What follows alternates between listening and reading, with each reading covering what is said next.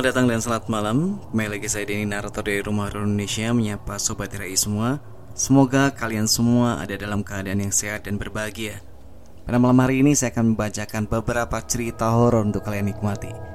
Ini yang pertama langsung saja Ini adalah Hantu Mumun.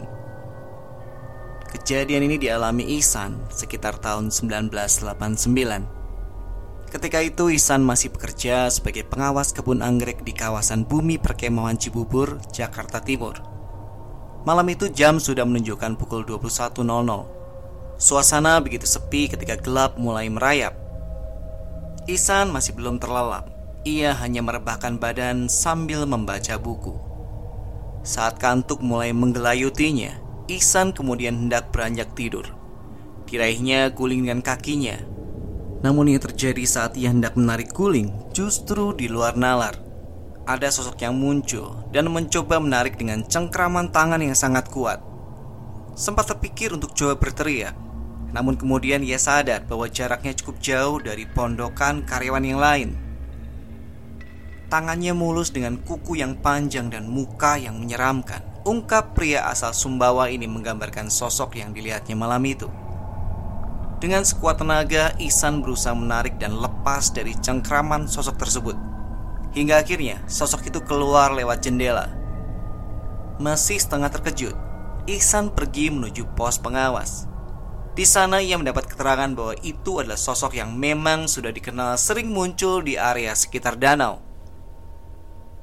Kemudian Ihsan mencoba untuk melukis penampakan sosok tersebut. Esok paginya saat ada seorang penjual dawet yang melintas Tak sengaja melihat lukisan tersebut. Ihsan pun menceritakan tentang kejadian yang dialaminya malam itu. Kedua pahanya masih terdapat bekas memar yang membiru Sisa cengkeraman makhluk yang dikenal dengan nama Mumun itu. Antar percaya atau tidak Tapi ia mengalaminya. Beruntung kejadian itu hanya dialaminya sekali selama setahun tinggal di sana Cerita yang berikutnya adalah mengenai arwah penasaran korban guna-guna. Namaku Naila. Kisah ini terjadi sekitar lima tahun yang lalu. Tepatnya saat aku masih duduk di kelas 2 SMK, AK2 atau akuntansi 2. Hari itu sama seperti hari-hari biasanya. Di sekolah dari pagi hingga jam istirahat tak ada yang berbeda. Namun, belum 20 menit jam istirahat berlalu, kami dikejutkan dengan teriakan beberapa orang siswi. Kontan semua orang pun berhamburan keluar menuju tempat asal suara tersebut. Ternyata itu suara Kiki dan Isma. Mereka menangis di depan pintu toilet anak perempuan. Guru-guru dan siswi yang lain termasuk aku terperanjat kaget melihat apa yang sedang terjadi. Dia Diana, anak akuntansi dua. Tubuhnya kejang-kejang berlumuran darah. Darah yang kental menghitam mengalir deras dari selangkangannya. Matanya melotot menahan sakit. Mulutnya menganga tanpa ada suara yang keluar dari bibirnya yang membiru. Pak Soleh dengan dibantu Pak Ahmadi langsung mendekat memeriksa tubuh Diana. Tubuhnya kaku. Tak lama kemudian Innalillahi wa innalillahi rojiun Ucap Pak Ahmadi Diikuti Pak Soleh dan semua guru dan juga para siswi. Ambulansnya sudah datang pak Ucap Dayat teman sekelas Diana dan disusul beberapa tim medis yang membawa tandu. Awas, awas, beri jalan sedikit, seru Bu Mei. Ayo dibantu, angkat ke tandu. Dayat dan kamu Siti. Tolong hubungi orang tua Diana, ceritakan soal kejadian ini. Bapak tunggu di rumah sakit bersama Pak Kepsek, ucap Pak Soleh memberi perintah. Iya Pak, jawab Dayat disertai anggukan Siti tanda mengerti. Ayo cepat sana, lanjut Pak Soleh. Maklum tak ada telepon di rumah Diana kala itu. Jadi Dayat dan Siti selaku ketua OSIS harus naik sepeda ke rumah Diana yang lumayan jauh dari sekolah. Tak lama kemudian jenazah Diana pun diangkut ke ambulans menuju rumah sakit terdekat. Sementara Bu Mei dan para guru menyuruh siswi yang lain agar kembali masuk ke kelas masing-masing dan melanjutkan pelajaran. Di dalam kelas, para siswi bertanya-tanya sendiri apa yang terjadi pada Diana. Kelas jadi agak ricu dengan suara mereka Ayo jangan berisik Perhatikan pelajaran kalian Seru Bu Ambar yang pada saat itu mengajarkan matematika di kelas kami Anak-anak pun langsung diam Walaupun masih ada beberapa siswi yang berbisik-bisik Dua hari berselang, gosip tentang meninggalnya Diana mulai berkembang. Entah siapa yang memulainya. Eh, kemarin Diana kenapa sih? Tanya Sisil pada teman-temannya yang juga sekelas dengan Diana siang itu. Ada saja yang kudengar tiap lewat depan kelas mereka. Gak tahu, kalau nggak salah sih, ada yang bilang Diana pendarahan gara-gara keguguran, timpal Kiki. Ah, masa sih, saut Sisil. Ah lu Ki, norak tuh Kan emang dari dulu kalau orang pendarahan kayak gitu pasti keguguran Atau sengaja dikukurin kali Cetus Mega nggak mau kalah Lagian hamil di luar nikah udah jadi hal biasa di sekolah ini Ingat nggak sama Farah dan Uli yang keluar dua semester lalu gara-gara hamil duluan? Gak lama terus merit. Terus waktu kita kelas 1 Berapa siswi yang di DO Gara-gara ketahuan hamil Saud Sisil. Anak kelas 1 AK3 juga kemarin di DO Gara-gara ketahuan hamil Lanjut Mega bersemangat. Yang lain antusias mendengarkan. Tapi masa sih Diana kayak gitu? Apalagi sampai aborsi segala? Tanya Sisi Lugu. Mana kita tahu Namanya juga orang hidup tambah Mega Aku menggeleng-gelengkan kepala mendengarnya Ya ampun, gosip terus Batinku sambil meninggalkan mereka yang makin asik menggosip Kira-kira seminggu kemudian kami dikejutkan lagi dengan teriakan yang sama dari arah toilet anak perempuan. Rupanya kini Mega dan Kiki yang jatuh pingsan. Tak cuma itu, mereka juga meronta-ronta saat akan dipindahkan ke ruang UKS oleh para guru. Semua siswi pun ikut ketakutan karena Mega teriak-teriak nggak karuan. Pak Soleh yang kebetulan guru agama yang mengerti dengan hal semacam itu berusaha menyadarkan mereka dibantu beberapa guru wanita. Kamu siapa? Tanya Pak Soleh pada Mega yang tiba-tiba ketawa cekikikan. Jelas itu bukan suara Mega yang biasanya. Aku Diana. Diana, ngapain kamu ganggu teman-teman kamu? Pulang sana, kasihan teman kamu, pinta Pak Soleh. Aku nggak mau pergi. Biar dia tahu rasa. Mereka bilang aku cewek nggak bener.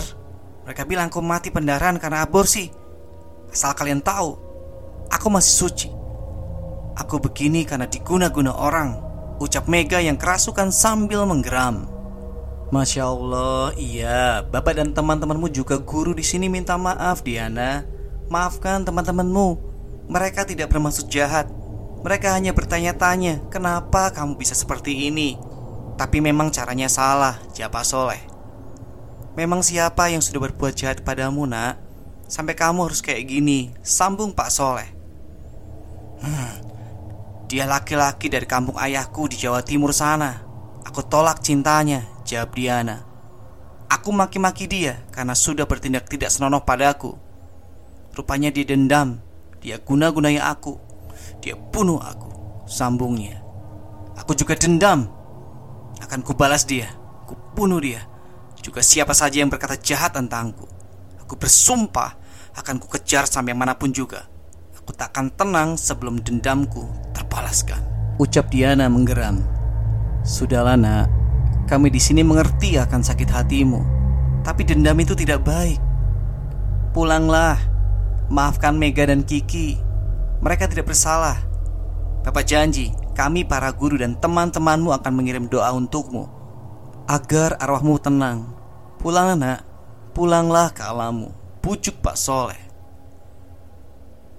Hmm Berjanjilah untuk membersihkan nama baikku Berjanjilah kirimi aku doa Ucap Diana sebelum akhirnya keluar dari badan Mega dan menghilang Kiki dan Mega bisa disadarkan 20 menit kemudian setelah Diana pergi Pak Soleh mengumpulkan para guru dan para siswi Beliau meminta agar jangan lagi ada yang bicarakan apa pun tentang Diana Tapi tetap tidak lupa untuk mengirimkannya doa Akhirnya tiap Rabu, sehabis sholat duha bersama, kami juga sama-sama mengirimkan doa untuk arwah Diana.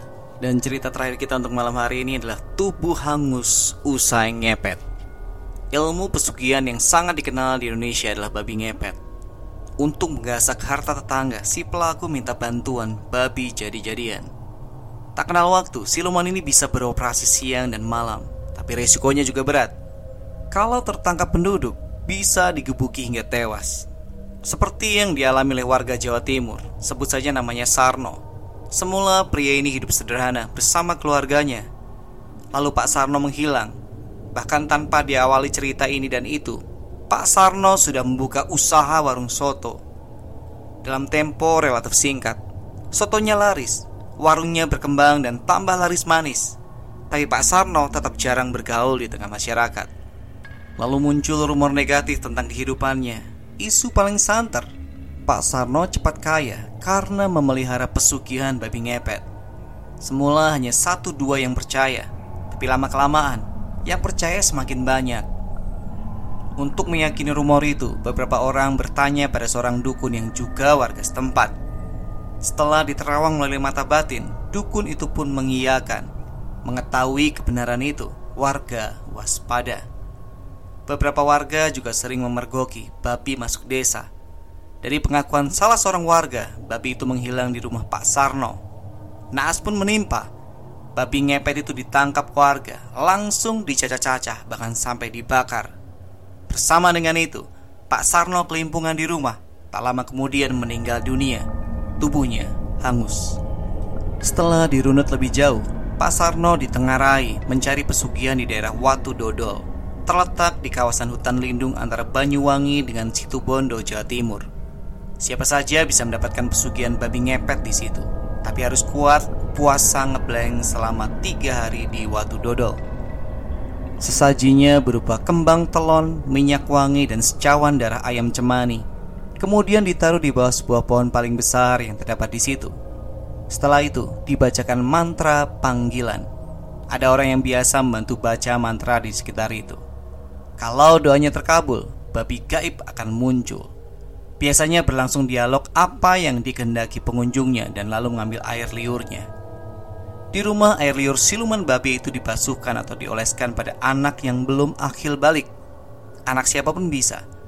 Tak lama anak itu akan meninggal sebagai tumbal.